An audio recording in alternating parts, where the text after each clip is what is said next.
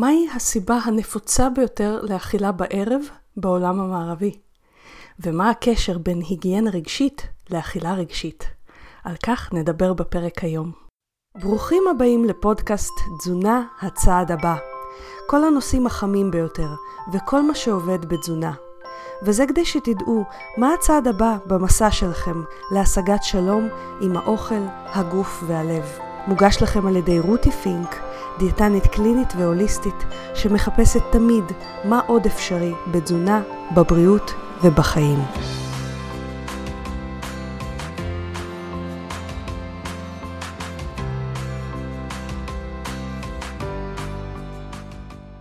היי חברים, אני מקווה שאתם בטוב.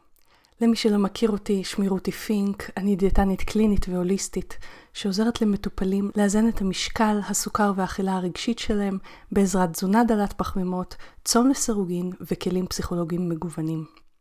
והנושא שלנו היום אולי יכול לגרום לחלק מהאנשים לזוז שלא בנוחות בכיסא. כי אה, זה משהו מאוד נפוץ ובעיניי קצת כואב אפילו בעולם המערבי ובמיוחד אצל נשים ממה שאני רואה. כי היום אנחנו הולכים לדבר על אנרגיה רגשית והקשר שלה לאכילה, ובמיוחד לאכילה רגשית. ובסיום הפרק הזה, ייתכן שתגלו שהרבה מהפעמים שאתם לא מבינים למה אתם הולכים לאכול מאכלים שלא מטיבים עבורכם, למה אתם הולכים לאכול בערב, קשורים ליכולת שלכם לנהל את האנרגיה הרגשית שלכם, ושזה לא סתם הרגל או חוסר כוח רצון. ובואו נתחיל מלבדוק, מהי בעצם אנרגיה רגשית? אז אנרגיה רגשית זה כמו המאגר הרגשי שלנו, כאילו כוחות הנפש שלנו. הרבה יותר קל לנו אגב לזהות בקיום של האנרגיה הרגשית כשאנחנו חושבים דווקא על המצבים שבהם היא נעלמת. למשל, אולי יצא לכם לחוות מצב שקמתם בבוקר מוטענים ואנרגטיים מהשינה שלכם, מוכנים ליום חדש, אבל אז הרבה דברים מלחיצים קרו בעבודה, ופקקים מעיקים בחזור, וכשחזרתם הביתה הילדים שיגעו אתכם, ובסוף גם רבתם עם בית, בן או בת הזוג שלכם? קרה לכם דבר כזה? אה, אולי קרה לכם אה, שהתכוננתם למבחן גדול, חרשתם על חומר רב, וממש כל היום הייתם עסוקים בלמידה, ובמקום לעשות מלא דברים כיפים שרציתם, כל פעם שרציתם את זה הייתם צריכים להחזיר את, את עצמכם ללמידה ולחומר. מה הרגשתם בסיום ימים כאלה? עייפות? לאות אולי? ואולי אפילו חשתם שאתם ממש מרוקנים, כאילו אין לכם כוח לכלום, גם אם פיזית לא התעייפתם במיוחד? זה בדיוק האנרגיה הרגשית הזו שלנו. זה בעצם היכולת שלנו להכיל את אתגרי החיים מסביבנו. כי תכלס, אם נסתכל על זה, לחץ הוא אתגר. להיות מסוגל לחזור ולמקד קשב ולעצור את עצמי מללכת למשהו אחר במקום ללמוד, זה אתגר. היכולת לשלוט על עצמנו ועל התגובות שלנו, למשל במצבים חברתיים או בכלל, אפילו עם עצמנו, זה אתגר. זה אתגרי החיים שלנו. יש אנשים שעבורם מה שהזכרתי מהווה יותר אתגר, ויש אנשים שעבורם זה מהווה פחות אתגר. אבל כך או כך, לכולנו החיים מזמנים התמודדויות קטנות, שטותיות, וגדולות ומשנות חיים. ועם כל ההתמודדויות האלה, אנחנו מתמודדים בדיוק בעזרת האנרגיה הרגשית שלנו. האנרגיה הרגשית שלנו היא גם המנוע של המוטיבציה שלנו, זה הכוח בתוך המוטיבציה. כשיש לנו הרבה אנרגיה רגשית, יש לנו חשק ועניין בלעשות, בלשנות. כשאין לנו מספיק אנרגיה רגשית, המוטיבציה שלנו לעשות משהו או לשנות משהו יורדת. ומה קורה כשהאנרגיה הרגשית שלנו יורדת, אבל אנחנו עדיין אמורים לתפקד? המוח והנפש שלנו במצב הזה חוסכים אנרגיה רגשית על ידי הליכה לאוטומטים. כי אוטומט, אם תחשבו על זה, אוטומט לא דורש חשיבה. אנחנו למעשה יכולים אפילו לחשוב על משהו אחר בזמן שאנחנו מבצעים את האוטומטים שלנו. אוטומט לא דורש מוטיבציה. וכך המוח והלב פנויים מהשקעה רגשית גדולה בזמן שאנחנו עדיין מבצעים משהו. אנחנו חוסכים ככה אנרגיה רגשית. ואנרגיה רגשית היא כמו הסוללה הרגשית בפלאפון של החיים שלנו. היא לא בלתי מוגבלת. היא זקוקה להטענה. ככל שהסוללה הרגשית התרוקנה יותר, ככה ההטענה צריכה להימשך זמן רב יותר. וגם, ככל שאפליקציות שרצות בחיים שלנו כבדות יותר, כאילו, כך הן צורכות יותר סוללה, בזמן שיש אפליקציות ש- שכמעט לא מבזבזות זמן סוללה. אנחנו קמים עם המשאב הזה של האנרגיה הרגשית בבוקר כשהוא מוטען במקסימום. זה כמובן בתנאי שהייתה לנו שינה טובה. ואז לאורך היום אנחנו פוגשים את החיים. אנחנו מתמודדים עם ההתמודדויות שלנו, עם הלחצים, מצבי רוח, בלת"מים ועוד. וזה בדיוק האפליקציות שלנו שרצות בפלאפון של החיים שלנו, ואחוזי הסוללה מתחילים לרדת. עכשיו, יש לנו אפשרות לשים מטענים בהמון מקומות, בבית, באוטו, וכל זה כדי להטעין את הסוללה שלנו, אם אנחנו זוכרים. אם זה קורה, אנחנו יכולים לתפקד עם יותר אפליקציות פתוחות למשל, עם אפליקציות יותר כבדות, ואנחנו גם יכולים לעשות את זה לאורך יותר זמן. אבל אם אנחנו לא מתאימים את הפלאפון לאורך היום, אם אנחנו לא יודעים איך לחבר את עצמנו למטען, או שאנחנו לא יודעים איזה מטען בכלל מתאים לפלאפון שלנו, אנחנו בבעיה. כי הסוללה מתרוקנת לאורך היום, ובסוף אנחנו מגיעים בערב לסוללה ריקה או כמעט ריקה. הרבה אנשים למשל חווים אכילה רגשית ספציפית בערב, וכשהם מתארים את זה, הם מרגישים כאילו אוטומט השתלט עליהם, הם אפילו לא יודעים למה זה קרה. למה בעצם? שאלתם את עצמכם פעם? אחת הסיבות המשמעותיות לכך היא שהסוללה הרגשית של האנשים התרוקנה לאורך היום. וכשאנחנו זוכרים שהסוללה הרגשית שלנו היא מנוע המוטיבציה שלנו, כשאנחנו זוכרים שזה בתכלס כוח הרצון שלנו לשנות משהו, הסוללה הרגשית שלנו זה בדיוק מה שגורם לנו לרצות לשנות ועניין בשינוי. כשאנחנו זוכרים את זה, אנחנו מבינים שכשהסוללה הרגשית שלנו מרוקנת, אין לנו לא את הכוח לשנות ולא את הרצון לשנות שם משהו. ובמצב הזה, כפי שהזכרתי כבר, במצב שאין לנו יותר מנוע לשנות, המוח הולך לאוטומטים. ואם תרגלתם, במודע או לא במודע, את האוטומט של לאכול בשעות הערב, למשל מול הטלוויזיה, אז זה לאן שהמוח ילך. כי הסוללה הרגשית גמורה, ואין לנו כוח להתעסק עם המחשבה, אם זה בכלל מתאים לנו, לא מתאים לנו, אם אנחנו רעבים בכלל או לא רעבים, האוטומט חוסך לנו שם את האנרגיה לחשוב. וזה בדיוק העניין, שהאוטומט הוא לרוב לא מה שאנחנו החלטנו שהכי טוב לנו, לפחות באכילה, אה, לפחות אצל אנשים רבים, אלא מה שלמדנו כשלא היינו בכלל בגיל שהייתה לנו יכולת בחירה בנושא. ולכן ההסתמכות על אוטומטים היא לא בדיוק להיט כשאנחנו מנסים לשנות הרגלי אכילה ואשכרה להצליח להתמיד בהם לאורך זמן. ההסתמכות על אוטומטים טובה אחרי שאשכרה עשינו עליהם עבודה ושינינו אותם לאוטומטים שבאמת מיטיבים עבורנו. אז זה נעשה חסר מאמץ, כי זה האוטומט החדש, לא צריך להשקיע שם שום אנרגיה רגשית. אבל אפילו זה, להגיע לדבר הזה ששינינו את האוטומטים, התהליך הזה דורש כוחות נפש, או במילים אחרות, אפילו זה דורש את הסוללה הרגשית שלנו. למשל, אם יש לי אוטומט לאכול בערב ליד הטלוויזיה באמת, ואני שפוכה מעייפות, כמה כבר כוח יהיה לי לעבוד בכלל על לשנות את האוטומט הזה באותו רגע? כמה כבר כוח יהיה לי בכלל לשאול את עצמי האם זה טוב עבורי, ולהזכיר לעצמי שאכילה בשעות האלה לא עושה לי טוב בלילה. כן, אם עבדתי לאורך זמן על לשנות את האוטומט של האכילה בערב בעזרת אנרגיה רגשית שהייתה לי לאורך התקופה הזאת, והאוטומט הזה באמת השתנה, וכעת האוטומט שלי הוא לא לאכול רגשית בערב, אחלה, אני יכולה לגמרי להסתמך על האוטומט הזה. אבל אוטומט לוקח זמן לשנות. ועד אז, עד שהאוטומטים הישנים שלנו משתנים לכאלה שאשכרה תומכים באורח החיים החדש שלנו. מה עד אז? עד אז אנחנו אמורים לעבוד עם מודעות, לשים לב מה אנחנו אוכלים, כמה, לבדוק אם זה באמת מדויק לנו וכל זה. ומודעות כזאת היא אחד הדברים שדורשים אנרגיה רגשית, היא וואחד אפליקציה כבדה, בואו. אם היא הייתה אפליקציה קלילה, כולם היו עושים את זה ומצליחים תמיד, אוקיי? וכאן אנחנו בדיוק מגיעים לעניין האנרגיה הרגשית והאכילה. זה נורמלי לגמרי שאנרגיה רגשית מושפעת מהחיים שלנו. בשביל זה היא שם תכלס, כדי לתחזק את החיים שלנו, את המוטיבציה שלנו לפעול ולעשות בעולם. אבל אם אנחנו לא יודעים לנהל אותה נכון, את האנרגיה הרגשית הזאת, אם אנחנו לא מתחשבים בכלל בסוללה של הפלאפון שלנו במהלך היום ומטעינים אותה, מטפחים אותה אפילו, אנחנו נגיע לסוף היום ללא סוללה. ואז אתם לגמרי בחסדי האוטומטים שלכם. ואם האוטומטים שלכם עדיין לא השתנו, אז זה מקום לא להיט להיות בו. וזו הסיבה שאני מדברת על זה.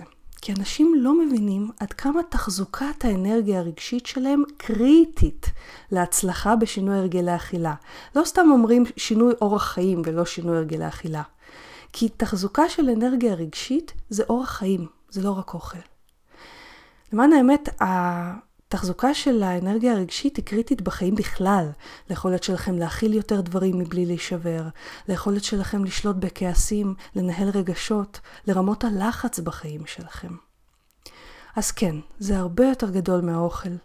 אבל בפודקאסט הזה אני כן אתמקד איתכם היום בקשר שבין האנרגיה הרגשית הזאת והתחזוקה שלה לבין האכילה שלכם. אז לפני שנדבר איך מטעינים אנרגיה רגשית, חשוב להבין מה גוזל מאיתנו אנרגיה רגשית. כי הרי המטרה שלנו היא לשמור עליה לאורך היום, כך שלאורך הרוב המוחץ של היום תהיה לנו מוטיבציה ועניין וכוחות לשמור על התזונה שלנו, להפעיל מודעות לאכילה שלנו ולעשות בחירות בצורה המיטיבה ביותר עבורנו. ואנחנו לא יכולים הרי להיות גם רק בהטענה כל הזמן, נכון? אנחנו אפילו לא צריכים. אז בואו נבדוק, מה מוריד לנו אנרגיה רגשית? כי הרי אנחנו יכולים למלא אותה לנצח, אבל אם נרוקן אותה יותר מהר מאשר נמלא אותה, זה לא יעזור לנו. זה כמו מסננת שלא משנה כמה מים נזרים לתוכה, עדיין היא לא תתמלא במים, נכון? ואני רוצה לציין ארבע מהדברים הנפוצים ביותר שגורמים לנזילת האנרגיה שלנו. יש המון דברים, אבל ארבע מאוד מאוד נפוצים, ואם תשימו לב רק לארבע האלה, כבר עשיתם הבדל ענק באנרגיה הרגשית שלכם.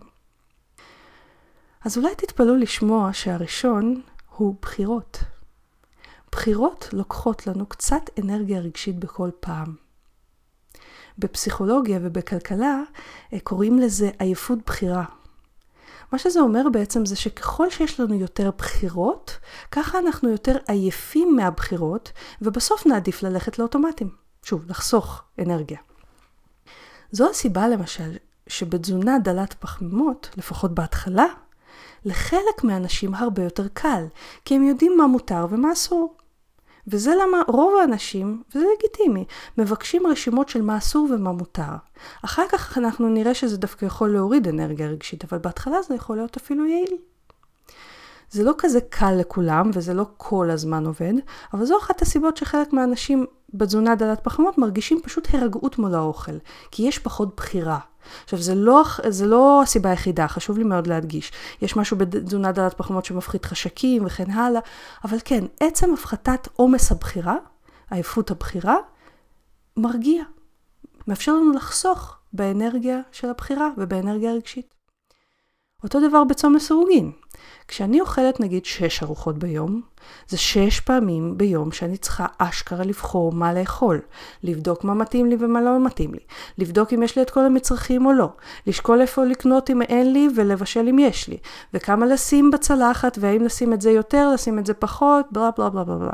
אוכל מכיל המון בחירות, גם אם הוא מאוד מוגבל מבחינת בחירה.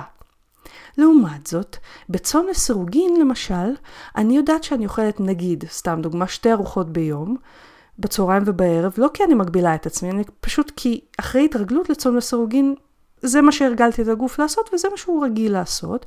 אז אני אוכלת נגיד בצהריים ובערב, ששוב זו סתם דוגמה, כי יש פרוטוקולים שונים של צום לסירוגין.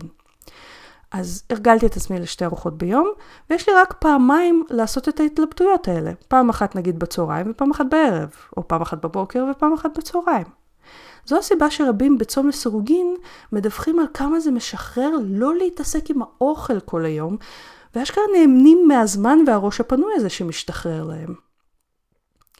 ואם אנחנו כבר מדברים על צום לסירוגין, זה הזמן להזכיר שיש מבצע פסח על כל הקורסים הדיגיטליים המלאים שלי, כולל הקורס המקיף בארץ לקהל הרחב על צום לסירוגין, שנקרא אכילה לסירוגין.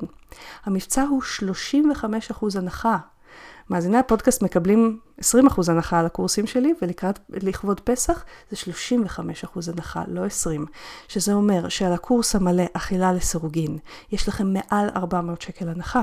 ואם קונים את הקורס לרזות בשפת הגוף, הקורס השני המלא שלי, מקבלים כמעט 200 שקל הנחה. הקופון למבצע הזה הוא פסח עם H, פסח 2021 באנגלית, והרישום של הקופון והלינקים לקורס מופיעים גם בהערות לפודקאסט. ומהרו לנצל את המבצע הזה, לקנות את הקורסים לעצמכם או לתת אותם כמתנה מושלמת לחג ההתחדשות, חג האביב, חג הניקוי, כי המבצע נגמר יום לפני ערב פסח ב-26 למרץ בחצות בדיוק. אז לינקים לקורסים ואת קופון ההנחה אתם תמצאו בהערות לפודקאסט. ובחזרה לנושא שלנו, דיברנו שבחירות רבות גורמות להתרוקנות הסוללה הרגשית שלנו. אם נפחית את כמות הבחירות שלנו באופן כללי, בחיים, זה יעזור לנו לאבד פחות אנרגיה רגשית, לחסוך אותה, כמו שקורה בצום לסירוגין, למשל. וחשוב לי להדגיש, שבקשב לגוף אנחנו כן מעודדים בחירה, איפה שזה נכון לנו, בחירה מה לאכול, בחירה אם לאכול. למשל, אנחנו נעודד בחירה אם לאכול עכשיו או לא, מתוך מה שהגוף אומר. זה למשל הקורס שלי, לרזות בשפת הגוף, מדבר בדיוק על זה. אבל אנחנו פשוט רוצים לצמצם את הפעמים שאנחנו צריכים בכלל להתמודד עם הבחירות האלה כמה שאפשר, כל עוד זה לא בא על חשבון הגבלה כזאת דרסטית בבחירות שלנו, שזה יגרום לנו להרגיש בכלב. וזה מה שלצערנו תפריט למשל עושה הרבה פעמים, והרבה פעמים גם חשיבה של דיאטות. זו הסיבה שלחלק מהאנשים תזונה דלת פחמימות דווקא מעוררת התנגדות וסוחטת מאנרגיה רגשית, כי הם מרגישים שזה כולא אותם יותר מדי, ויש לנו משהו שמתמרד נגד הכלא הזה. אז מה עוד גורם לנו לאבד אנרגיה רגשית? הדבר השני הוא דיבור פנימי לא מיטיב. כשהדיבור הפנימי בראש שלנו הולך משהו כמו, שוב לא הצלחתי, אני לעולם לא אצליח, זה גוזל מאיתנו אנרגיה נפשית. כשהדיבור שלנו מטיל בנו ספק, כשאנחנו בביקורת עצמית, כשאנחנו מדגישים את מה שלא עובד, גם אם נגיד הרוב עובד, זה מאבד לנו אנרגיה רגשית. ולכן, אם אנחנו רוצים לשמור אנרגיה נפשית לדברים החשובים באמת, כמו שמירה על הרגלי האכילה שלנו, אנחנו נעדיף להתחיל לעבוד על הדיבור הפנימי שיהיה אוהד יותר כלפי עצמנו. תחשבו על זה למשל, איזה הבדל יכול לעשות ניסוח במצב הבא. במקום שוב לא הצלחתי, אני אף פעם לא מצליחה, לשנות את זה ל"הפעם לא הצלחתי, מה אני לומדת מזה כדי שבפעם הבאה אני כן אצליח?" שימו לב, אפילו שינוי קטן כזה יכול לעשות הבדל באנרגיה הנפשית שלנו, ולהביא אותנו עם הרבה יותר אחוזי סוללה עד סוף היום. זה נקרא דיבור פרו-אקטיבי. אה, מעצם השם של הדיבור הזה, דיבור שמעודד פעולה. איך הוא מעודד פעולה? הוא מעודד אנרגיה רגשית, כי זה האנרגיה שלנו לפעולה. זה דיבור פרו-אקטיבי לעומת דיבור ריאקטיבי, דיבור שמגיב וכך נסחט. למשל, אם, אם לא הצלחנו במשהו ואנחנו מגיבים לא הצלחת, לא הצלחתי, אני אף פעם לא מצליחה, זה תגובה. זה דיבור ריאקטיבי. כשאנחנו מעודדים את עצמנו על ידי דיבור להצליח, למשל, הפעם לא הצלחתי, אבל מה אני לומדת מזה כדי שבפעם הבאה אני כן אצליח? זה דיבור שמעודד לנו את המוטיבציה, זה דיבור פרו-אקטיבי. הדבר השלישי שיכול לגזול מאיתנו המון אנרגיה נפשית, הוא ציפיות גבוהות מדי מעצמנו. כשיש פער גדול מדי בין מה שאנחנו רוצים לבין מה שאנחנו באמת יכולים להשיג, זה יוצר דיסוננס מאוד גדול בתוכנו, והדיסוננס הזה גוזל המון אנרגיה. זה מה שקורה הרבה פעמים לאימהות ולנשים שרוצות גם וגם וגם ומצפות מעצמן להיות גם וגם וגם. גם להיות האימא המושלמת, גם לתפקד מעולה בעבודה, גם לעשות ספורט כמה פעמים בשבוע, גם שלילדים יהיה תמיד מה לאכול בריא, גם שכולם יהיו מאושרים מסביב, גם להתנדב בקהילה, גם שהזוגיות תהיה טובה וכו' וכו' וכו'. הנשים האלה, מרוב הניסיון להחזיק את כל הדברים האלה ביד, בבת אחת, נשחקות מעודף הציפיות. ואז רבות מהן מוציאות את זה על האוכל. גם את התסכול של חוסר העמידה בציפיות, אבל האכילה הרגשית במצבים האלה באה מעצם העובדה שנוצר פער גדול מדי בין מה שהאישה מצפה מעצמה לבין מה שהיא באמת מסוגלת לעשות כבת אנוש ולא כרובוט של תקתקנות. אני יכולה להגיד לכם שיש לי גם, אני לפעמים נכנסת למצבים כאלה שאני רוצה להספיק גם וגם וגם ולעשות את הכל מצוין. גם הפרפקציוניזם אגב נכנס בתוך הציפיות האלה אה, שגוזלות מאיתנו אנרגיה. אה, יש אה, פתגם כזה, המצוין הוא האויב הגדול ביותר של הטוב מאוד. כי הוא גוזל המון אנרגיה. אז כשאני נכנסת למצבים האלה, אני כבר ממש שמה לב שהגוף שלי מתחיל להגיב. יש לי קצת יותר מתחים בגוף, יש לי דופק יותר מהיר, ובמצב הזה אני אומרת, היי, hey, איפה הגזמתי עם הציפיות שלי מעצמי? אז זה אחת מהדרכים שבהם אני למשל מנהלת את האנרגיה הרגשית שלי. וזה משהו שחשוב מאוד לשים לב אליו. קשה לי להסביר לכם כמה מהאנשים שאני פוגשת נשחקות מבחינה רגשית על המקום הזה של להספיק גם את זה וגם את זה וגם את זה, ולא נשאר להם כוחות לעצמן ולשינוי התזונתי. כי כן, שינוי תזונתי דורש כוחות, כן. והדבר האחרון שאני רוצה להזכיר שיכול לשחוק כוחות נפש, זה דיאטה. ויותר נכון מזה, חשיבה של דיאטה. שזה חשיבה של אסור ומותר, של אני בסדר אם אני מקפידה או לא בסדר אם אני לא. זו הסיבה שחלק מהאנשים חווים מצד אחד הקלה כשהם נכנסים לתזונה מוגבלת, כמו תזונה דלת פחמימות או צאן מסורגין, אבל אחר כך דווקא נשברים כשהם לא מגיעים לזה מהמקום הפסיכולוגי הנכון. וחשוב לי להדגיש שיש דבר כזה, מקום פסיכולוגי נכון, שיכול להביא אתכם לא רק להחזיק מעמד בתזונה דלת פחמימות בקלות או בצום לסורגין, אלא גם להתמיד בהם בכיף. אבל המקום הזה לא מגיע מתוך מותר לי ואסור לי, והוא לא מגיע מתוך רדנות כלפי עצמכם וציפיות לא ריאליות כלפי עצמכם, אלא מתוך מקום הרבה יותר מלא אכפתיות וחמלה כלפי עצמכם. ולמה חשיבת דיאטה כזו יכולה להתיש את האנרגיה הנפשית שלכם? כי היא יוצרת מלחמה.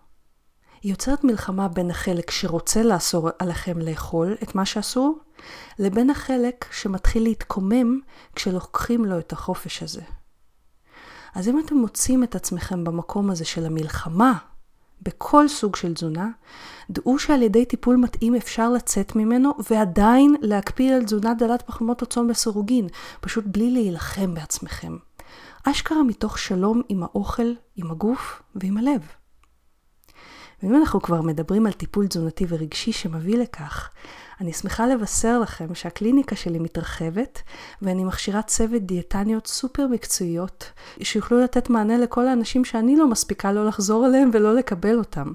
ואחרי פסח, אני והצוות שלי נוכל לתת מענה לכמות הרבה יותר גדולה של אנשים, ואפילו במחיר יותר טוב. אז עדכונים בפודקאסט הבא בעזרת השם. אז למדנו מה הדברים שלוקחים מאיתנו אנרגיה רגשית. מה זה האפליקציות הכבדות האלה שמרוקנות לנו את הסוללה. ולמדנו גם שאם לא דאגנו לתחזק את האנרגיה הרגשית שלנו לאורך היום, אנחנו נפנה לאכילה, כי הגוף יודע שאוכל יכול לעלות לו חלק קטן מהאנרגיה הרגשית, לפחות לזמן מה. הוא יודע את זה. ותחשבו על זה, אתם כל כך מתייסרים לפעמים כשאכלתם משהו לא נכון, אבל אם תחשבו על זה מזווית אחרת, באותו רגע, בתכלס, בגלל שהגוף יודע שזה כן יכול לעזור לכם, ובגלל שהצורך האמיתי שם הוא להרים את האנרגיה הרגשית, אתם בתכלס עושים את הדבר הנכון ביותר ביחס לכלים שיש לכם. זה לא אומר שזה הדבר הטוב ביותר שאפשר לעשות, אבל זה הדבר הטוב ביותר שאתם עושים באותו רגע, כי אתם עוד לא יודעים את הכלים למלא אנרגיה רגשית בצורה אחרת. וברגע שאתם תלמדו ותתרגלו את המילוי של אנרגיה רגשית לאורך היום, אתם לא תצטרכו ללכת לזה בכלל. וזו הסיבה בדיוק שאנחנו מבינים כמה חשוב לוודא לאורך היום מה מצב האנרגיה הרגשית שלי. זו שאלה כל כך חשובה, שאני ממש קוראת לה היגיינה רגשית.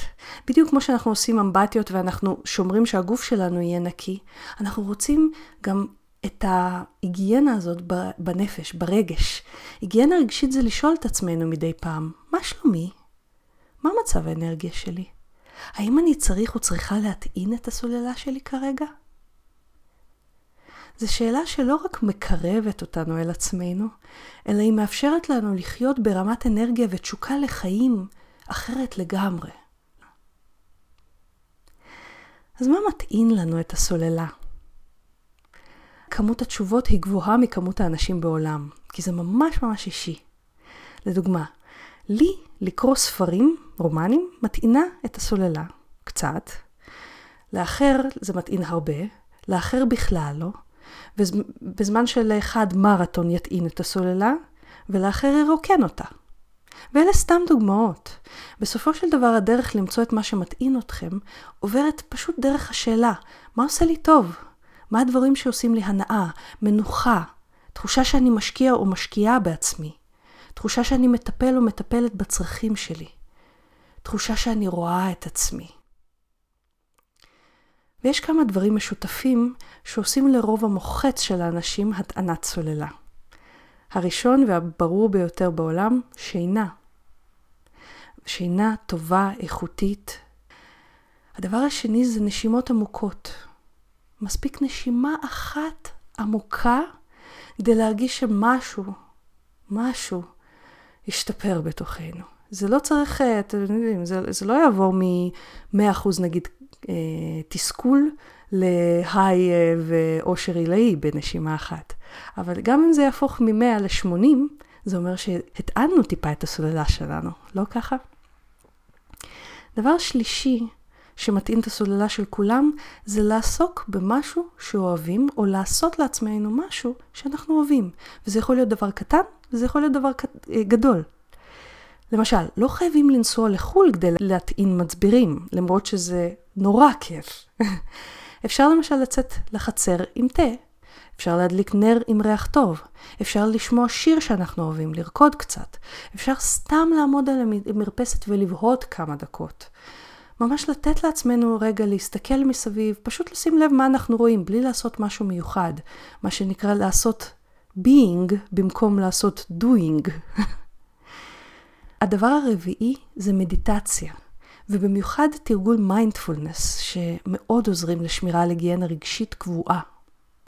והדבר החמישי זה לתת לגיטימציה לצרכים שלנו, לזהות אותם, ולהכיר בהם גם אם אנחנו לא יכולים לספק אותם, משהו כבר שם מטעין אותנו. ובסיום הפרק הזה שבו הבנתם עד כמה חשוב לתחזק את האנרגיה הרגשית, אני סקרנית. אילו דברים מטעינים אתכם? ספרו לי בתגובות. אז אני מקווה שנהניתם מהפודקאסט היום. אם אתם רוצים להיות בקשר או לשלוח שאלות לפודקאסט, אתם ממש מוזמנים לבקר באתר של הפודקאסט rutifink.com, פינק כמו F כמו פנטזיה, rutifink.com/פודקאסט. אתם גם מוזמנים לחפש אותי ביוטיוב, יש לי ערוץ מלא בסרטונים על תזונה דלת פחמימות וצום לסירוגין, פשוט חפשו רותי פינק ביוטיוב.